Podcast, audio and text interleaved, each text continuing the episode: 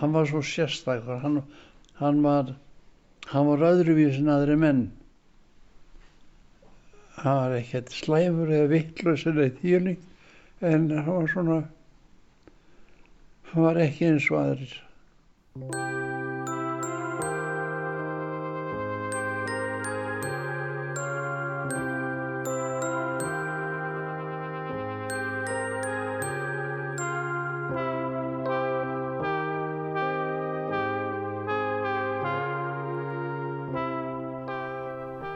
Hér heyrum við í herði Pétursinni en honum kynust við betur síðar í þætti dagsins.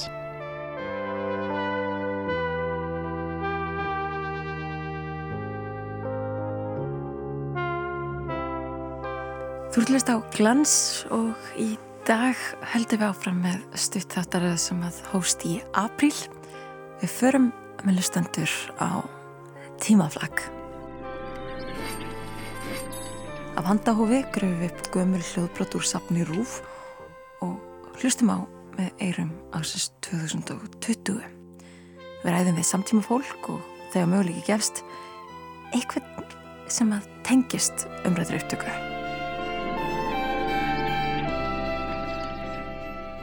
Við flögum fram og tilbaka, hingað að þangað veltum fyrir okkur því stóra í blandu það smáa, rifjum upp mis áhrifaríka atbyrði, horfin og óhorfin æfiskeið sögur sem að snertu marga einu sem á persónulega sögur sem að snertu aðeins fáa.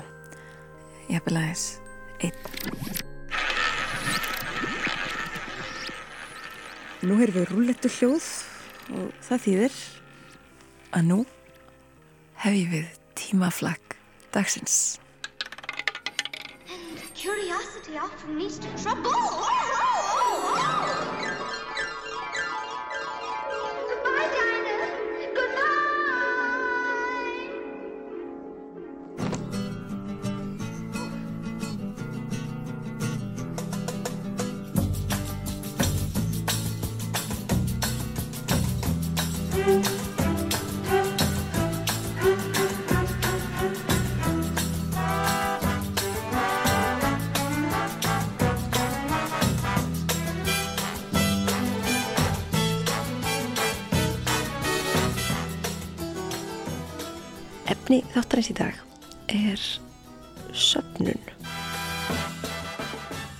Söpnunarnegðin er flestum í blóðborin og margir verja vetra á tómstundum sínum til þess að sapnaða sér ímsum munum, meirið að minna sjálfgæfum eftir því sem efni og aðstæður leifa. Aðri láta sér næja að sapna holdum og enn aðri sapna áhyggjum, engum í sambandi við jólamánuði. Loftur Kumilsson lit þessi orðum söpnun falla í þættinum glatt á hjalla í nógumbir 1954. Ég tek undir með lofti að söpnunanhegðin er flestum í blóð borin og það er svolítið ánægilegt að heyra hann tala um almenna söpnunanhegð fólks sem neyð en ekki söpnar áráttu eins og ofta gert á okkar mínimalsku tímum. En maðurinn, hann sapnar hinn á þessu safnar misverðmættum hlutum allt frá plastbókum, servéttum kóktöppum, eldspítustokkum til jú stærri, eldri og verðmættari hluta. Hvað var það hérna? Verðmættari hluti þá er ég auðvitað erfiðar að finna þá. Það er hansi fádít að fólk finni sjálfgefa dýrgripi og það þá sérstaklega út á víðavangi. Svo verðist raunin ekki hafa verið á Íslandi fyrir miðbygg síðustu aldar. Það er nefnilega einn maður sem að sapnaði reglulega einum ymsu kjörgripum á öskuhaugum Reykjavíkuborgar og í fjörunni við Eðiskranda. Hann fann svo mikið af góðgripum að hann náða að ferðast um landi með síningar á mununum sem hann fann. Við skoðum sögu þessa manns nánar í þætti dagsins.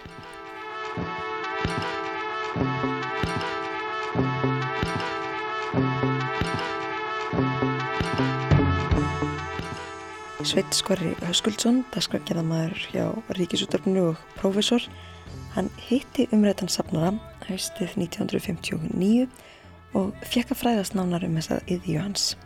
Ég leifi Sveini Skorra að kynna mannin til leiks.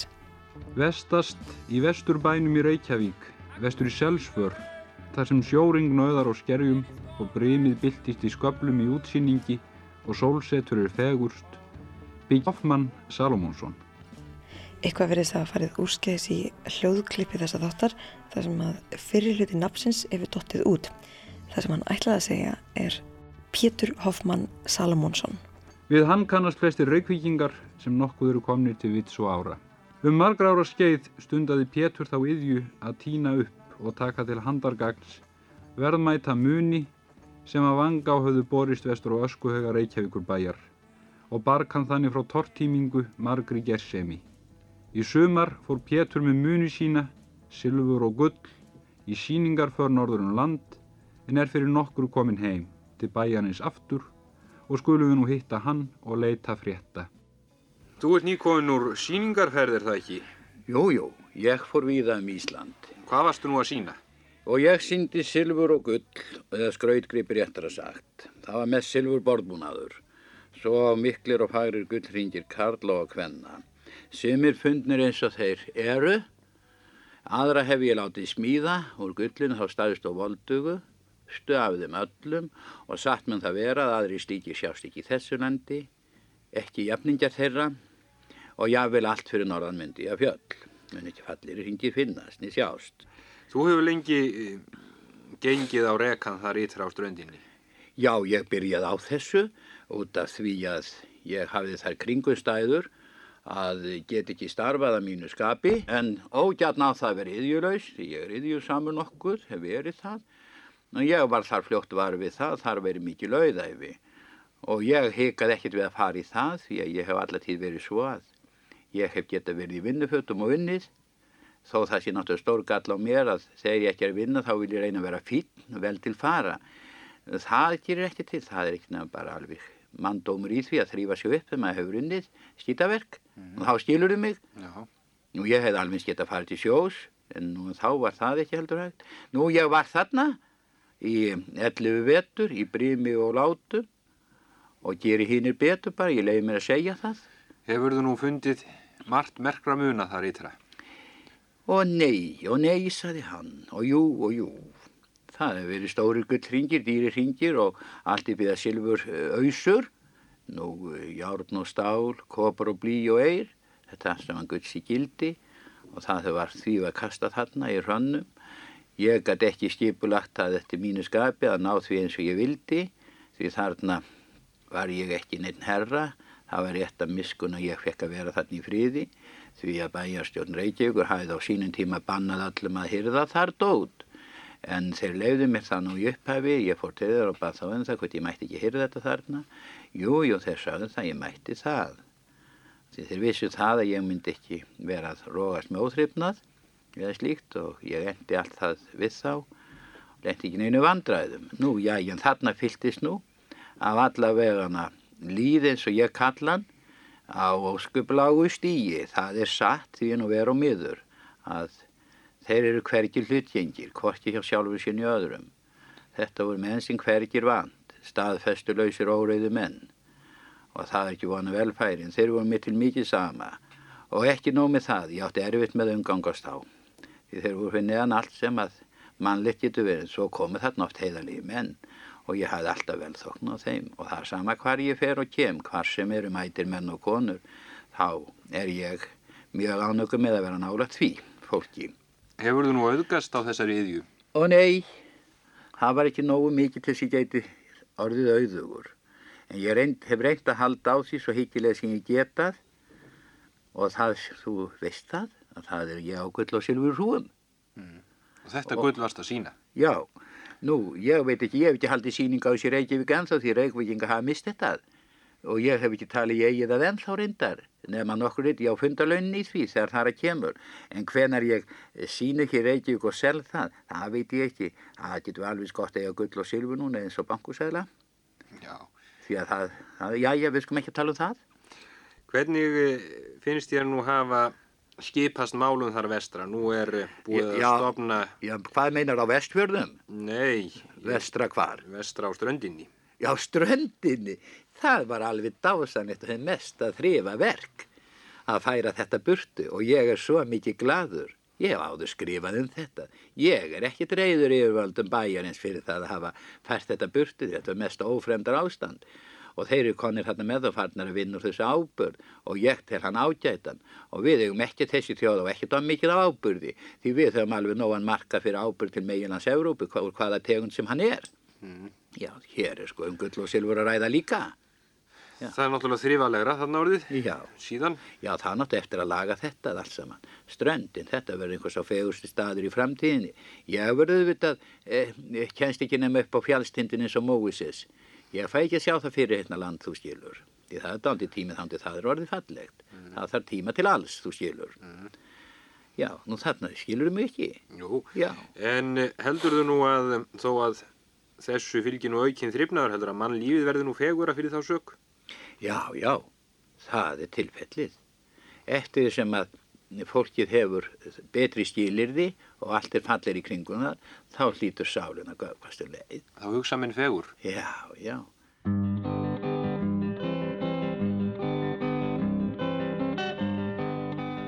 Pétur Hoffmann Salomonsson fættist 1897 að drábullíði í Helgafellsveit á Snæfellsnesi og lest 1980 í Reykjavík.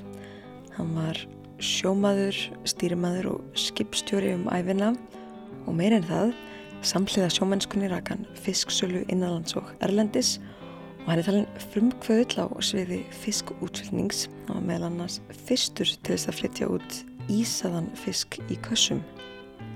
Á setni árum reist hann sér kofa í Selsvör í Vesturbæri Reykjavíkur og liði þar á Rokkjálsaveiðum eins og komið yfir fram þá var það þar í nákvæminu sem hann týndi upp gull og sylfur og aðra góðmálma.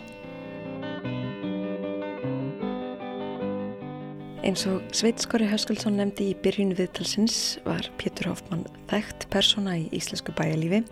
Hann verist að verið eins konar skapandi þúsundtjálasmiður í starfi á lifandi lífi, hafði brennandi áhuga á fortsögum og aflraunum, hafði mikla frásarna gáfi og er sagt hann að hafi haft nánast allar Íslendingarsögurnar á Raðbergi auk ótal rimna, kvæða og sagna. Hann sagði sögur en um hann gengu einnig fjöldi sagna. Þekkt er til dæmis sagan af Selsvarar orstunni sem að Jónas Átnason orti um í dægulagatekstanum Hoffmanns nefar Þetta er sagan af því þegar að Pétur á að hafa slegist við hóp bandarískra hermana í Selsfjörni árið 1943 og haft betur. Pétur Hoffmann leti einnig slá gull og silfurmyndir með vanga mynd af sér sjálfum á, kallaðan þá Selsvarar Dali.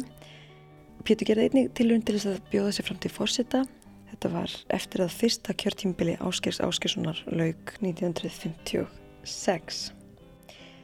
Fyrir áhuga sama má lesa nánar um líf Péturs í æfisögans sem Stefán Jónsson fréttamaður skráði á bók árið 1963 nefnist hún Þýr að segja veraldarsögur Péturs Hoffmanns Salomonssonar.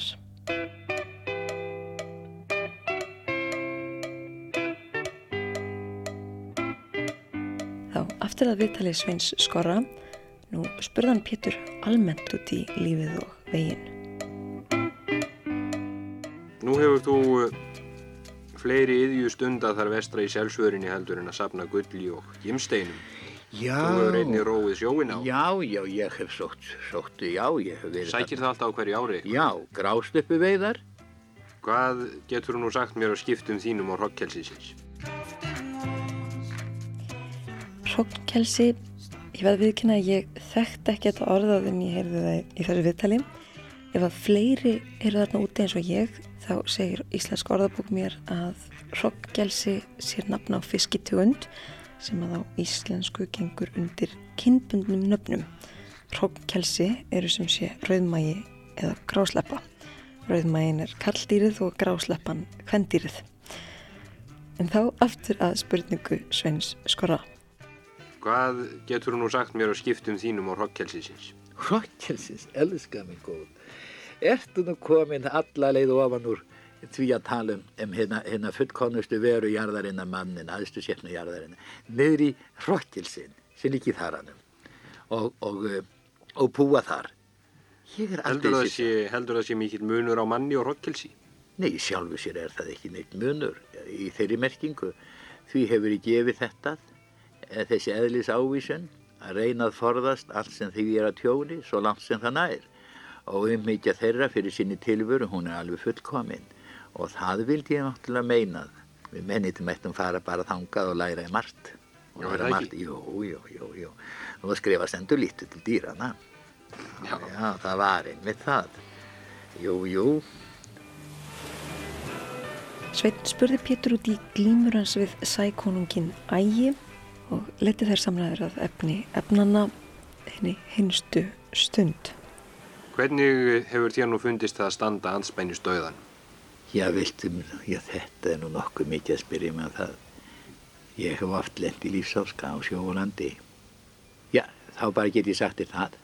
Jú, það er best að segja það eftir því sem að ég álít að ég dæmi í því máli. Mér bregður ekki nokkur hlut við það. Ég hef varist öllu fram á síðustu stundu án þess að óttast nokkuð skapaðan hlut og sigrað hinga til. Því sá sem gefst upp, hann er farinn. En eitt sem kemur nú að því að Já, það vissi, held ég viti það ekki. Held ég viti það ekki. Jú, jú, það kemur eitt góðan við þetta. Því það er hverju mætlað. nú glýmdi Grettir við drauga. Já, við drauga, já, það er nú fleiri gert það þó ég hef ekki átt um það. Já, drauga, já. Ég er reymt þarna vestur á ströndinni. Já, þeir eru að segja það. En ég veit ekki hverju ég á að svara um það því ég er ekki trættur við neina svipi eða, eða svoleiðis. En það er engin fyrir þó þar sjáist einhvað því þar hafa nú í strekk sér alltaf í sex konun og á síðastlinnum átján árum. Auk auk þess sem áður var skeð, einhvað kallmenn hafist farið, ég er nú ekki með skýrsluna með mér um það. En þetta fólk hafa nú allt farið í þunguskapi úr, úr þessum heima, það er þá ekki að förða þó það sé á ferðinni ef nokkuð er til eftir þetta líf sem að ég er nú ekkert að mótmæla en ég forðast nú að hugsa om mikið um það því það getur bara valdið því að maður verður bara tröflaður, þetta er svo dularfullt.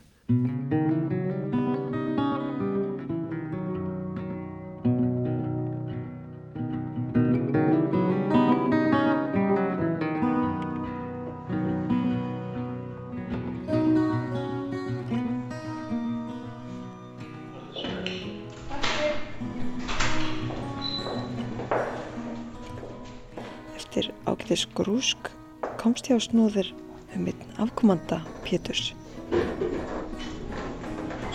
Hæ, hæ, takk fyrir. Ég heiti Hörður Pétursson. Fæður minn var uh, Pétur Hoffmann Salomonsson, einn af Salomons bræðrónum sem voru þekktir hér fyrra á árum. Hvað voru þið sískinin mörg? Við sískinu vorum sjö, e, strangt til því voru við átta. Áttunda barni var alveg upp í Danmarku, en sjö voru við hér heima. Og hvað er þú í sískinaröðinni? Ég er næst yngstur, fættur 1931. Þetta er nú, ég, ég ruggla hann svolítið í þessu sko. Uh, Sýsti mín sem var alveg upp í Danmarkum og fætti 33, fætti 1932 og yngsta sýsti mín sem er látin, þetta er allt farið, hún fætti 34. Er þú síðasta eftirlefandi sískinu? Já, ég er síðastur í röðinni. Hvernig er svo tilfinning Með, að vera síðastur eftir sískinu? ég er þakklátt að fyrir það að vera síðastur, annars væri ég farin líka. Já, nei, nei, það er bara, þetta er bara lífsins gangur. Ég verð nýræður næsta vor, eða í mars, eða svona, eftir sex mánuði, eitthvað svo leiðis. Og þetta var allt í lagi, að spila með golf á hverjum degi Þannig að heilsan er fín. já, já. Og við búum hérna, ég og kona mín, í þessu, þessu heimili og, og hún er snáraslegin líka, hún sér um allt innan hús.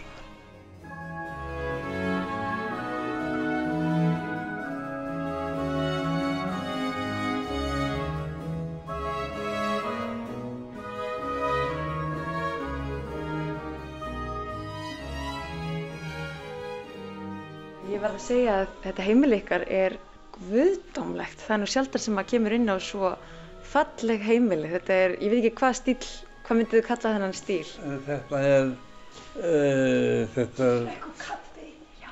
Þú ert svo unga, já, svo hrættum. þetta er mínar. þessi elstu, þau eru þetta í rokokostíl. Hefur það alltaf verið ykkar stíl? Ég ræk húsgarnaverslun í hálfa öld og uh, svo það er eðlilegt að maður hafi sjóast í, gegnum það að eða bundist ákveðnum stíl að lítið gefið fyrir svo nýtísku. Það er mitt í þessu viðtali sem við ætlum að hlusta á núna eftir smá. Þá talar pappiðin um fegurð og hann segir sko eftir því sem að fólki hefur betri skilirði og allt er fallegra í kringum það þá hlýtur sálin að göfgast. Nú sé ég það er svo fallegt í kringum þig á okkar heimili og þú, fyrst að þú rakst húsgagnaverslun í mörg ár. Já, já. Er þetta eitthvað sem að þú tengir við? Það er ekki tólíklegt því að fólki líður betur ef að erum fallið í kringu sig. Það ég held að það sé bara eðl hlutana en það er náttúrulega tegilega hvað fólki þykir fallegt. Sumum finnst þetta ekki, sumum finnst húskonni hjá okkur bara skrítin en uh, það er fyrir það að það er ekki alist upp við svona kultúrhúskon. Sumir eh, velja einfaldamátan IKEA og þjóni sem er út af fyrir sjálft í lagi en uh, það fellur ekki minn smekk og ég er ekkert að ruggla því saman. Ég, uh, Vestlunum sem ég rak, hétt HP húsgagn og hún var nú þekkt hér fyrir það að vera með svona stílhúsgagn sem kallað er. Stílhúsgagn það er sem sagt uh, síkild húsgagn frá eldri tíma, sérsti fíl sofasett og útskorinn húsgagn, bæði sofasett og, og uh, skápar og allt því og nýtt og sem er því miður ekkert á markan og eiginlega lengur, það er eiginlega dottið út. Þetta finnir maður nú bara á antíkmörkuðum í dag. Já, þetta, náttúrulega, þessi skápur til dæmis þessi hérna, hann flokkast undir að vera e, ný, frá ný rokokko tímabilinu sem var í kringum 1860. Er hann frá þessu tímbli? Það er að segja, er hann frá Hann er 1860? frá þeim tíma, já. Hvaðan kemur þessi skápur? Hvernig fannstu skáp frá sko ný rokokó stíl frá Og það, er- nú 1860? saga að segja frá því. það var þannig að Jóhann nokkuð Kristjánsson, sem að við nú bara langt aftur tíman, hann var útgerðarmaður á skálum Longanesi. Hann tók upp á því þegar... Hörður, sagði mér þessa sögu. Það var sem sé þannig að þegar mótorbáta útgerðin byrjaði, tók Jóhann þessi upp á því að stopna óljufélag og flytja inn ólju. En eftir 1930, sennilega í kringum 1936, segir hörðu mér, það fengu óljufélagin Shell, SO og BP enga leifi til þess að selja bensín og ólju á Íslandsmarkaði. Jóhann Kristjánsson stóð þá uppi með fleiri þúsundir óljutunna við svegarum landið sem hann hafði flutt inn frá Kanada og mátti nú ekki lengur selja. Jóhann snýri sér þá til seljandans þannig í Norður Ameríku og spurði hvernig fara skildi að við að skila tunnunum. Seljandinn sagði flutningskostnaðin svo háan að ekki borgaði sig að skila þeim en hann mætti eins og bara eiga þess. Meiri heldur en andverðið tunnana og þú mátt bara eiga þetta. Og þeir, þeir gáf honum fleiri þúsund tunnur. Þetta er á þenn tíma sem að gyðingar eru að flýja frá Þískalandi. Stórefna fjörskildur, stór yðjuhöldar og bankastjórar, þeir flytja sín húskon, antihúskon, í heilu, heilu skilsvarum til bandaríkjana og ætlu að eiga þetta sér til góðus þegar því að þeir fengju ekki neina tekjum frá Þískalandi lengur og með þess að voru með heilu koffortin fulla af þýskum mörkum. Þýskum mörkin urðu ekki að neinu í stríðinu og bandaríkjamenn þeir, þeir hafði ekki gripsvit á þessum húsgórnum. Heldur það var bara gamalt drasl. Hann fór að kaupa svona. Bandaríkjamenn hafði ekki vita á að borga neitt fyrir þetta. Þeir fengu ekkert fyrir þetta. Þannig að þetta var bara á gamverði. Þess vegna var það sem að hann flutti tölver mikið af þessu og marga fallega hluti sem, að, sem eru viðsvegar um bæinn sem engin veit um eiginlega. Ég veit um eitt borð sem alf, Albert Guðmursson, alþingismadur, kefti á honum. Það var uh, svona uh, sófaborð, já, eða gangaborð, mósæk. Það voru mósæk flýsar, millimetri stikkar sem stóðu upp á rönd. Og þetta var að, að hann saði mér, hann Jóhann, þetta hefur verið þryggja ára vinna fyrir listamann að vinna þetta.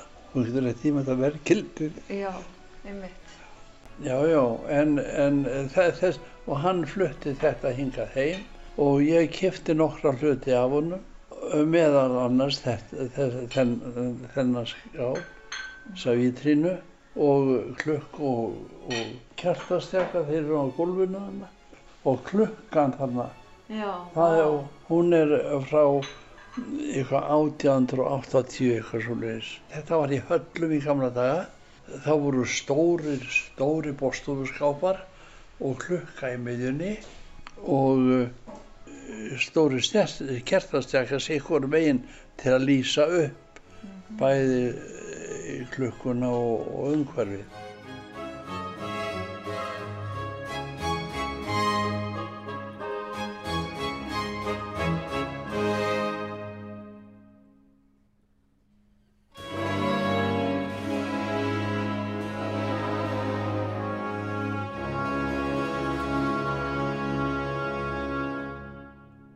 Þá aftur að spjall okkar um föður Harðar, Pétur Hoffmann Salmonsson.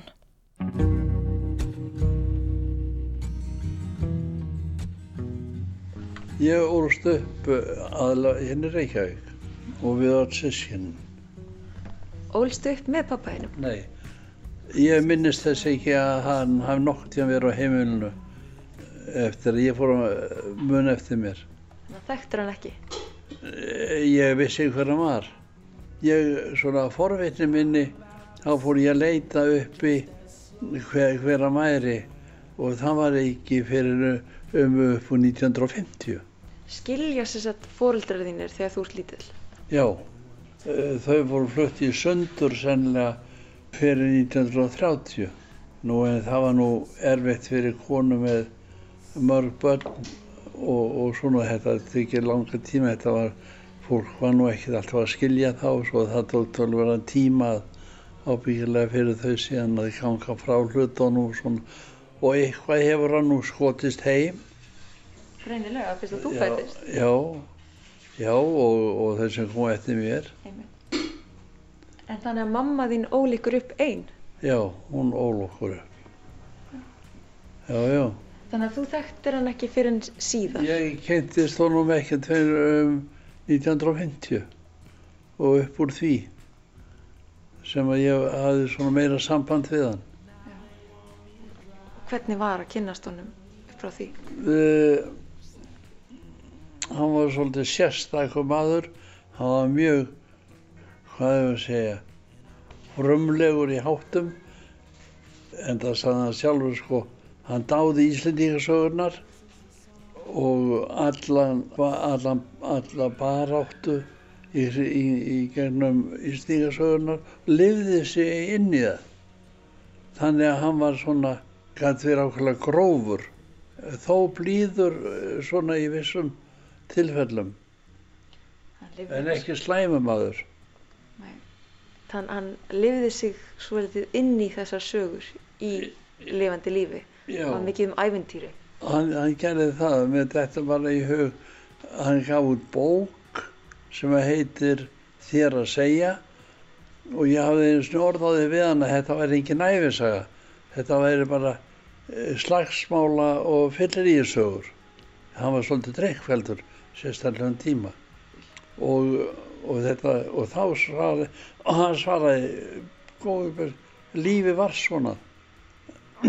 hann var sjómaður, nú þegar var róið út á einhvern tíma nætur eða hvernig sem það var og allavega þegar var komið að landi stundum eftir einhverja daga að þá var það uh, málið hjá sjómannum að fá sér pillu eins og norðaði það. Hvað er það? Pilla, Já. Nei, þú ert svo ung, Já. að fá, fá sér vínflösku.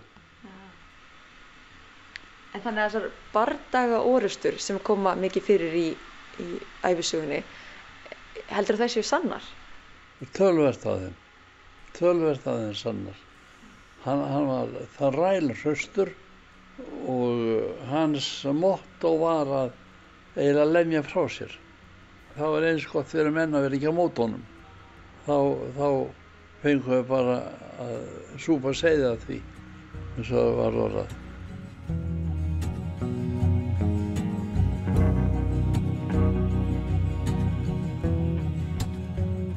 Hörður hafði ekki heyrt umrætt viðtal við pappa sinn. Það er að segja þetta viðtal sem við heyrðum í byrjun þáttar.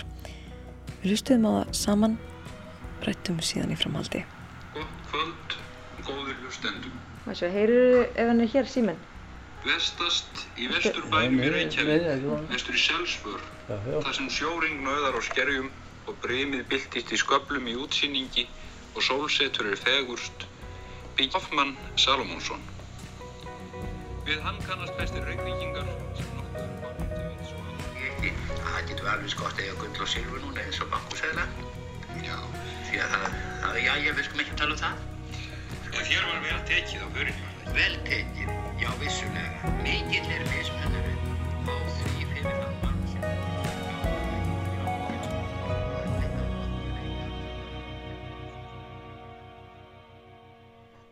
Hvernig er að hlusta á upptöku af pappa? Þetta er bara mjög eðlegt. Þetta var eh, og svo veðlegt og, og hann var svona. Manst alltaf eftir röddinn hans? Já, hann minnir mér svolítið á hálfbróðu sinn, Helga Hjörvar, móðu góður íslensku menn. Já, hann talar svolítið fjarkennilega íslensku, forn íslensku. Já, svolítið forn, já. Já. Það er það, ó nei, ó já. Og já, og stregu seimin og svona. Og hann gefur sér tímalög til að hugsa á milli setninga. Er þannig að þetta er alveg eins og þú manst eftir honum? Já, þetta, þetta, er, eh, þetta er alveg svona, uh, ég veit ekki hvort hann kemur inn á þetta síðar í viðtalinu, hann var reynda með síningu hérna í listamannaskálanum sem hann var, niður við kirkjustræti, var þar með tölverða síningu á silfur og gullmunum Sem hann fann? sem hann fann. Þannig er að þá nú verið að tala það hann að vera á öskuhaugunum, e, það er nú kannski ekki alveg rétt að því leiti að þarna út, fyrir, út af aflagrandanum sem hún er. Þar var öllu, öllu sorpi í Reykjavík styrta bara fram að bakkanum. Auðvitað þeir hluti sem þingri voru, þeir lendi fjörunni bestu dagar hans var þegar brem var nógu mikið og braut úr, úr ösku hugabakkonum, eða þann, já, þá lappaði hann þar um og hann var glöggur að finna málma sem að voru þá komnir í fjöru sandin hann týndi þetta upp bara úr fjöru sandinum. Hann, hann týndi þetta ekkert upp úr, úr draslinu og haugunum en það verið gjörsan útilokað heldur þetta var bara það sem var sem hann fjall til og þetta voru hlutir eh, þetta var mikið af borbúnaði eins og hann segir.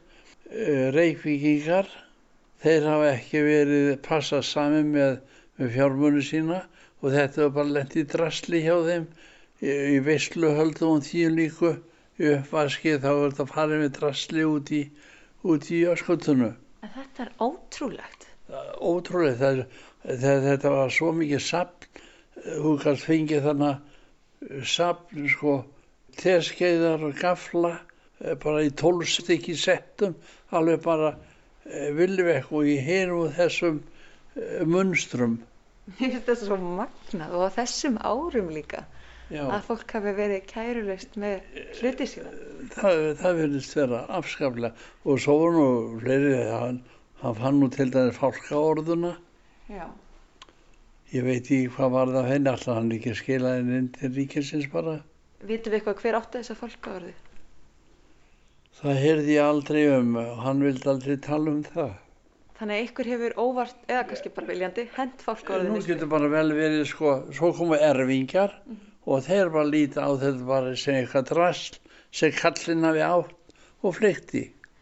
Það er margir hluti sem að hafa farið fyrir lítið fyrir að fólk hefur ekki vita hvað var með melli handana. Fórstu eitthvað tímann með honum í þessa leitar leiðanga? Nei, aldrei. Alnótt. Varstu ekkert forvitin? Nei, þetta var ég var ekki í þeim. Var ekki á þeim buksólum að fara neina í fjöru að, að leita svona nein, elska mig.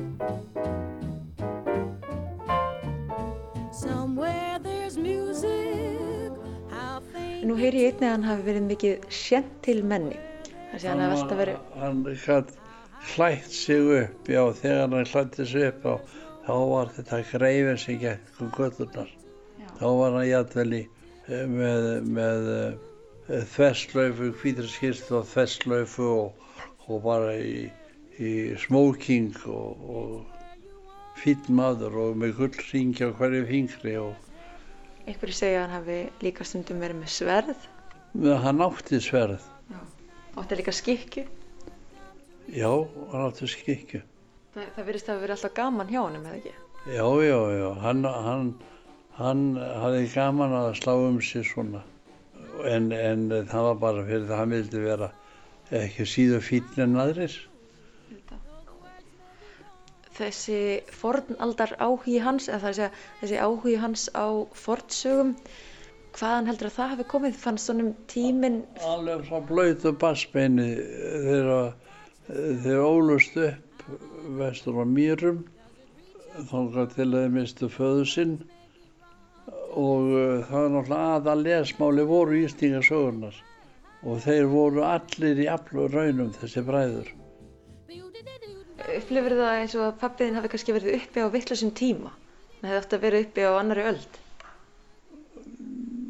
sennilega hefði það passað betur fyrir, fyrir hans hugsunarhátt. Hvort það hefði verið á nokkuð til góðust, það er ekkert þessum. Það voru svo margir sterkir þá.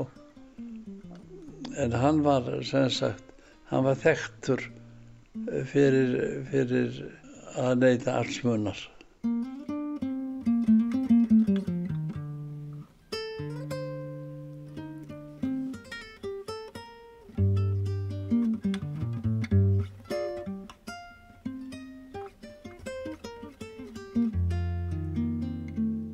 Því sem ég hef lesið, þá er honum líst sem sko af að merkilegum manni og eins og þú segir þá var hann kannski sérstakur og þessu, einhverjir segja kynlegu kvistur en, en svo er líka talað um frumkvöðul og mörgum sviðum, umhverfis sinna á undan sinni samtíð og, uh, og hönnuð meira að segja. Já, já, ég ekki að sýndi hluti og hérna og eftir. Hann let slá uh, selsvaradali sem kallað er, eða kallað var. Að það voru svona mynd peninga bæði bronsi, silfri og gulli Af hverju gerði hann þetta? bara metnaðaratriði hann var að nota það var málminn sem hann var búinn að týna upp þá lét hann bræða upp silfurhluti og jætti gullhluti og lét smíða eh, eitt og annað úr því Og þessi mynd, hvers konar mynd er á myndinni? það er vangamynd af honum Hver var ætlunin? Var, var ætlunin að selja þessa mynd eða var ætlunin að... hann seldi þetta já, já, hann seldi myndina Er þetta eftirsótt mynd í dag? Í, nú veit ég það ekki og allavega hún hefur ekki verið svo mikið á, á markanum. Mér hefur sagt að silfu, nei að bronspenningarnir hafi verið að seljast á 8 til 9.000 krónur. Annars getur það verið bara einstaklega tilfellum, annars veit ég það ekki. En náttúrulega silfur og gullpenningarnir, þeir náttúrulega standa alltaf verið sín eins og, eins og hver annar málmur.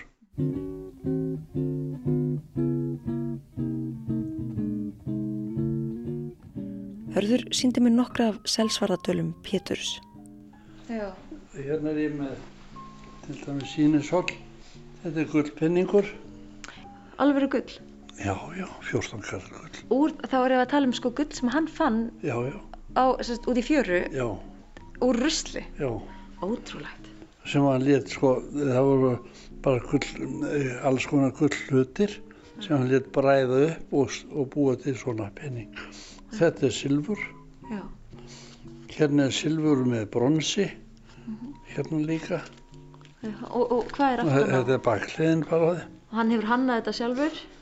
Framan á er mynd af honum, Já, prófíl mynd af honum og svo aftan á er mynd af, ef við lýsum því fyrir Já, hlustundum, það er svona skjaldamerki sem er með, það er svona sverð. Já, eitthvað, eitthvað svona vopn úr, þetta er augljóslega Já. vopn sem að maður hefur séð í sko Íslendingasögum. Já, ykkur slíku. En gekk salan hans vel? Já, hann silfumunna. Það var ekkert vandamál að selja því að hann gæti alltaf fengið verðgildi silfursins. En það er svo skrítið að þegar þetta búið að liggja í fjöruborðinu í bara nokkra daga, þá er það orðið kolsvart. Já, já. Þannig að hann var mjög glöggur að, að finna út hvers verði hver hlutur var. Ég held þó aðri gengum fram hjá honum. Hann sá ekki að það að þetta væri, væri silfur. Svo hirt hann að sjálfsögðu fleira, hann hluti kopar og, og, og þýjunit og seldi það bara til, til þeirra sem vesluði með góðum álma. En hér ert þú með alls konar gamla muni inn á heimiliðinu og, og hefur áhuga á Já, ég, ég, eldri munum og antík. Það er gaman að þessu. Ég hef gaman að þessu, konum mín er gaman að þessu, en, en hvað við að gera við þetta þegar það er kemur? Þetta er eins og með, eins og með silfuborbúnað og, og, og þýjunið. Vill þetta einhver í dag? Er þetta ekki allt náttúrulega í stáli? Maður spyr sig. Já, maður spyr sig. En heldur að þú það- kannski fengið þetta frá föðu þínum, þennan áhuga? Nei. Nei. Nei, nei. Er eitthvað sem þú finnst eins og það fengið frá föðu þínum?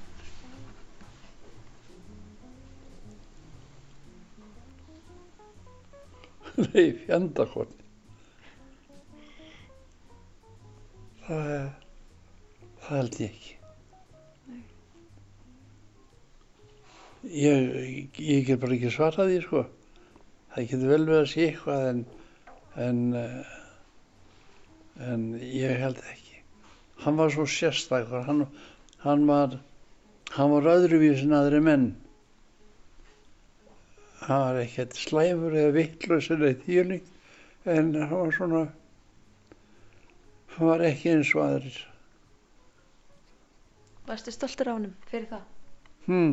Varstu stoltur af honum fyrir það? Nei, ég, ég var nú held ég, sko, hann, hans orðspor, Karl Greisins, fyrir ekki hvernig ég orða það, að eh, hann var sko milli 30 og 40, já milli 30 og 40 eh, frá því ég fæðist og fram til í stríðsbyrjun, þá var hann eh, svona frekar þekktu fyrir óreglu og eh, þá fór eh, af honum svona slagsmálasögur og svona. Hvað með mömmu þína? Hvernig leið henni með að, að, að, að nú sá hún um að, að ala upp ykkur öll Já, sískinin? það bara ekki ekki ákveðlega, maður fylgdist nú lítið með þessu eh, nema maður var bara þáttakandi í heimilinu. Sko frá 31 til 40 á þenn tíma er ég að alast upp í að vera nýjára gammal. 1940 er nýjára gammal. Svo sem maður fylgdi svo lítið með daglátum, annað maður var þáttakandi í að hlýða og nú hún bjargaði sér nú hún tók upp á því að búa til blóm gerfiblóm og þetta var selt fyrir jólin jólin byrjaði byrjuðum að segja held ég bara strax í nóvumber já til oktober að selja jólablóm gerfiblóm og, og við fórum krakkarnir með eh, blómendi í pappakössum og bönguðu upp á húsum að selja og hún bjargaði, bjargaði sér mikið með, með, með slíku. Sjálfsagt hefur hún nú eh, ekki manni nú hvenar það var sem að borgin byrjaði að, að borga með börnum sem voru föðurlaus og hún fengið einhverja, það voru ekki mikla bætur sem voru þá en þetta slampaðist það er margt sem við drifið á dagan eins og gengur. Já, lífið. Já, já, það er og uh, það er sjálfsagt að týna eitthvað uh, til meira sambandi við uh, Pétur Hoffmann Salmarsson sem dæmi að ég kynntist honum ekki meira en það að á mínu uppfasta árum þá gæti ég aldrei tala um hann sem pappa í mínum augum var hann bara kallinn og það var meðal hjá okkur sískjónum að hann var ekkert á heimilinu á þeim tíma sem að við vorum vaks úr grasi. Þannig að, að þetta var svona nákomin fjall, fjallægur ættingi. Svo það stendur. Var hann alveg sátti við það? hann var eins og spurður að því Pétur hvað já Pétur þú bara börn og hann svaraði og hann svaraði þar til uh, ég á ekki börn þau eru allir uppkomin ég ég á ekki börn þau eru allir uppkomin það var svarið Já, það er svona, það er, En þetta hefur haft áhrif á ykkur sískinin. það er ekki ólíklegt. Það er ekki ólíklegt. En söm voru líka rónum, heldur en ég. Bróður minn sem var uh, uh, halvaður áru eldri en ég, hann var mjög líkur honum.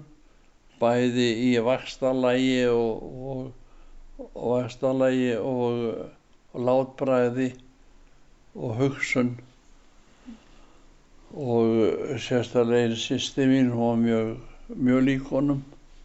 Og Elsti bróður okkar sem var fættur 21, 1921, þú getur ímyndað þér hvað, hvað þetta er fjallægt eh, fyrir yngra fólk sem er að tala um gamla dag og er að tala um kannski 1980 og er að tala um gamla daga. Já. 1921, það eru eiginlega 100 ár síðan. Já, hann hefði orðið 100 ára á næsta ári. Hann var, hann var líkur honum.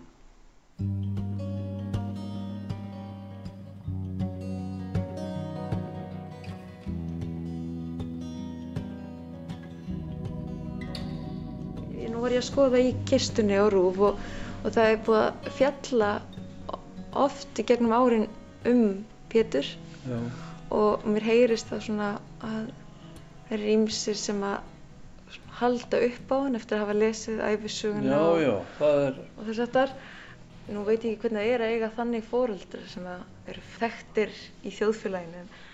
Hvernig, það var, ég get alveg sagt þér það, það var ekki kostur hér áður fyrir, það var ekki kostur að vera sonur Péturs Hópa Salvarssonar.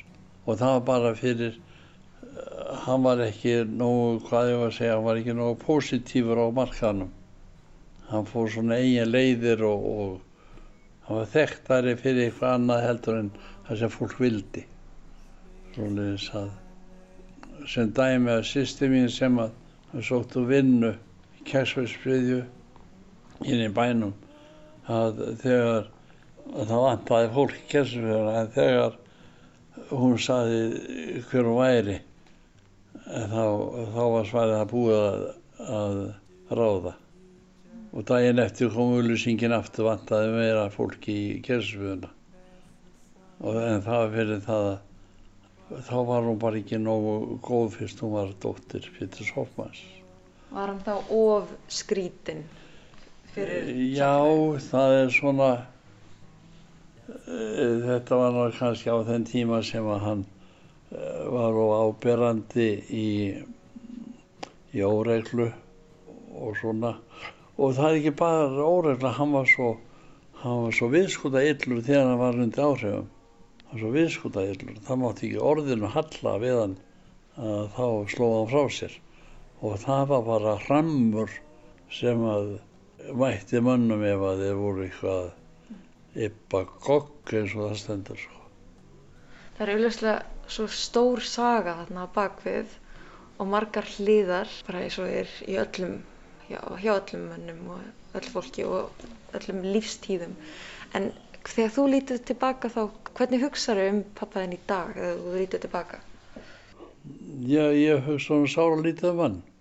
Sára lítið um hann en þó er það svona vissi punta sem aður hefur nú gaman af að, að minnast á ef eitthvað slíkt ber, ber, ber besti tals. Það voru margir hluti sem hann þótti aðtillisverður í framkvæmdum og, og þjóníku svo leiðis að hann átti marga góða kosti. Þetta var bara svona yfirborðið að, að bara og mikið á honum þegar bæri var svo lítill þá. Þú getur ímyndaðir að millir 1930 og 40 þá næri Reykjavík ekki lengra en hvað inn að Rauðróstík. Eiginlega inn bara inn á Snorrabraut. frá hvaða stað eru það að hugsa um sko frá Granda og að Nei, nei, bara frá aðalsæti. já, já. Ef, eftir það voru, voru svona smerri hús og, og, og því er nýtt. Bæri var svo lítill, þannig ef einhver maður var áberandi, þá sáðu allir og vissu það allir.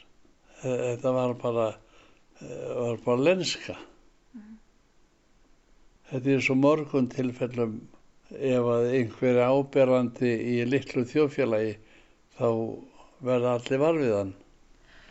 hvernig finnst þér samfélagi verið í dag finnst þér við hafa breyst mikið Það var breyst gífurlega mikið, gífurlega mikið.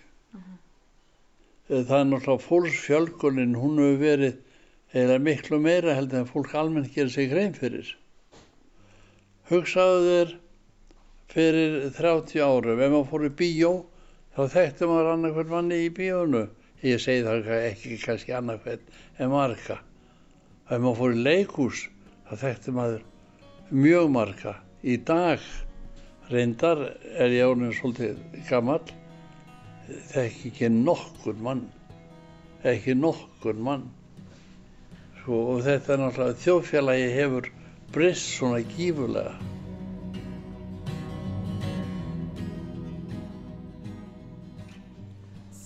Ég segi bara takk kærlega fyrir að, að ræða þetta við mig Þakka fyrir komuna. og fara svona ferðast aftur í tíman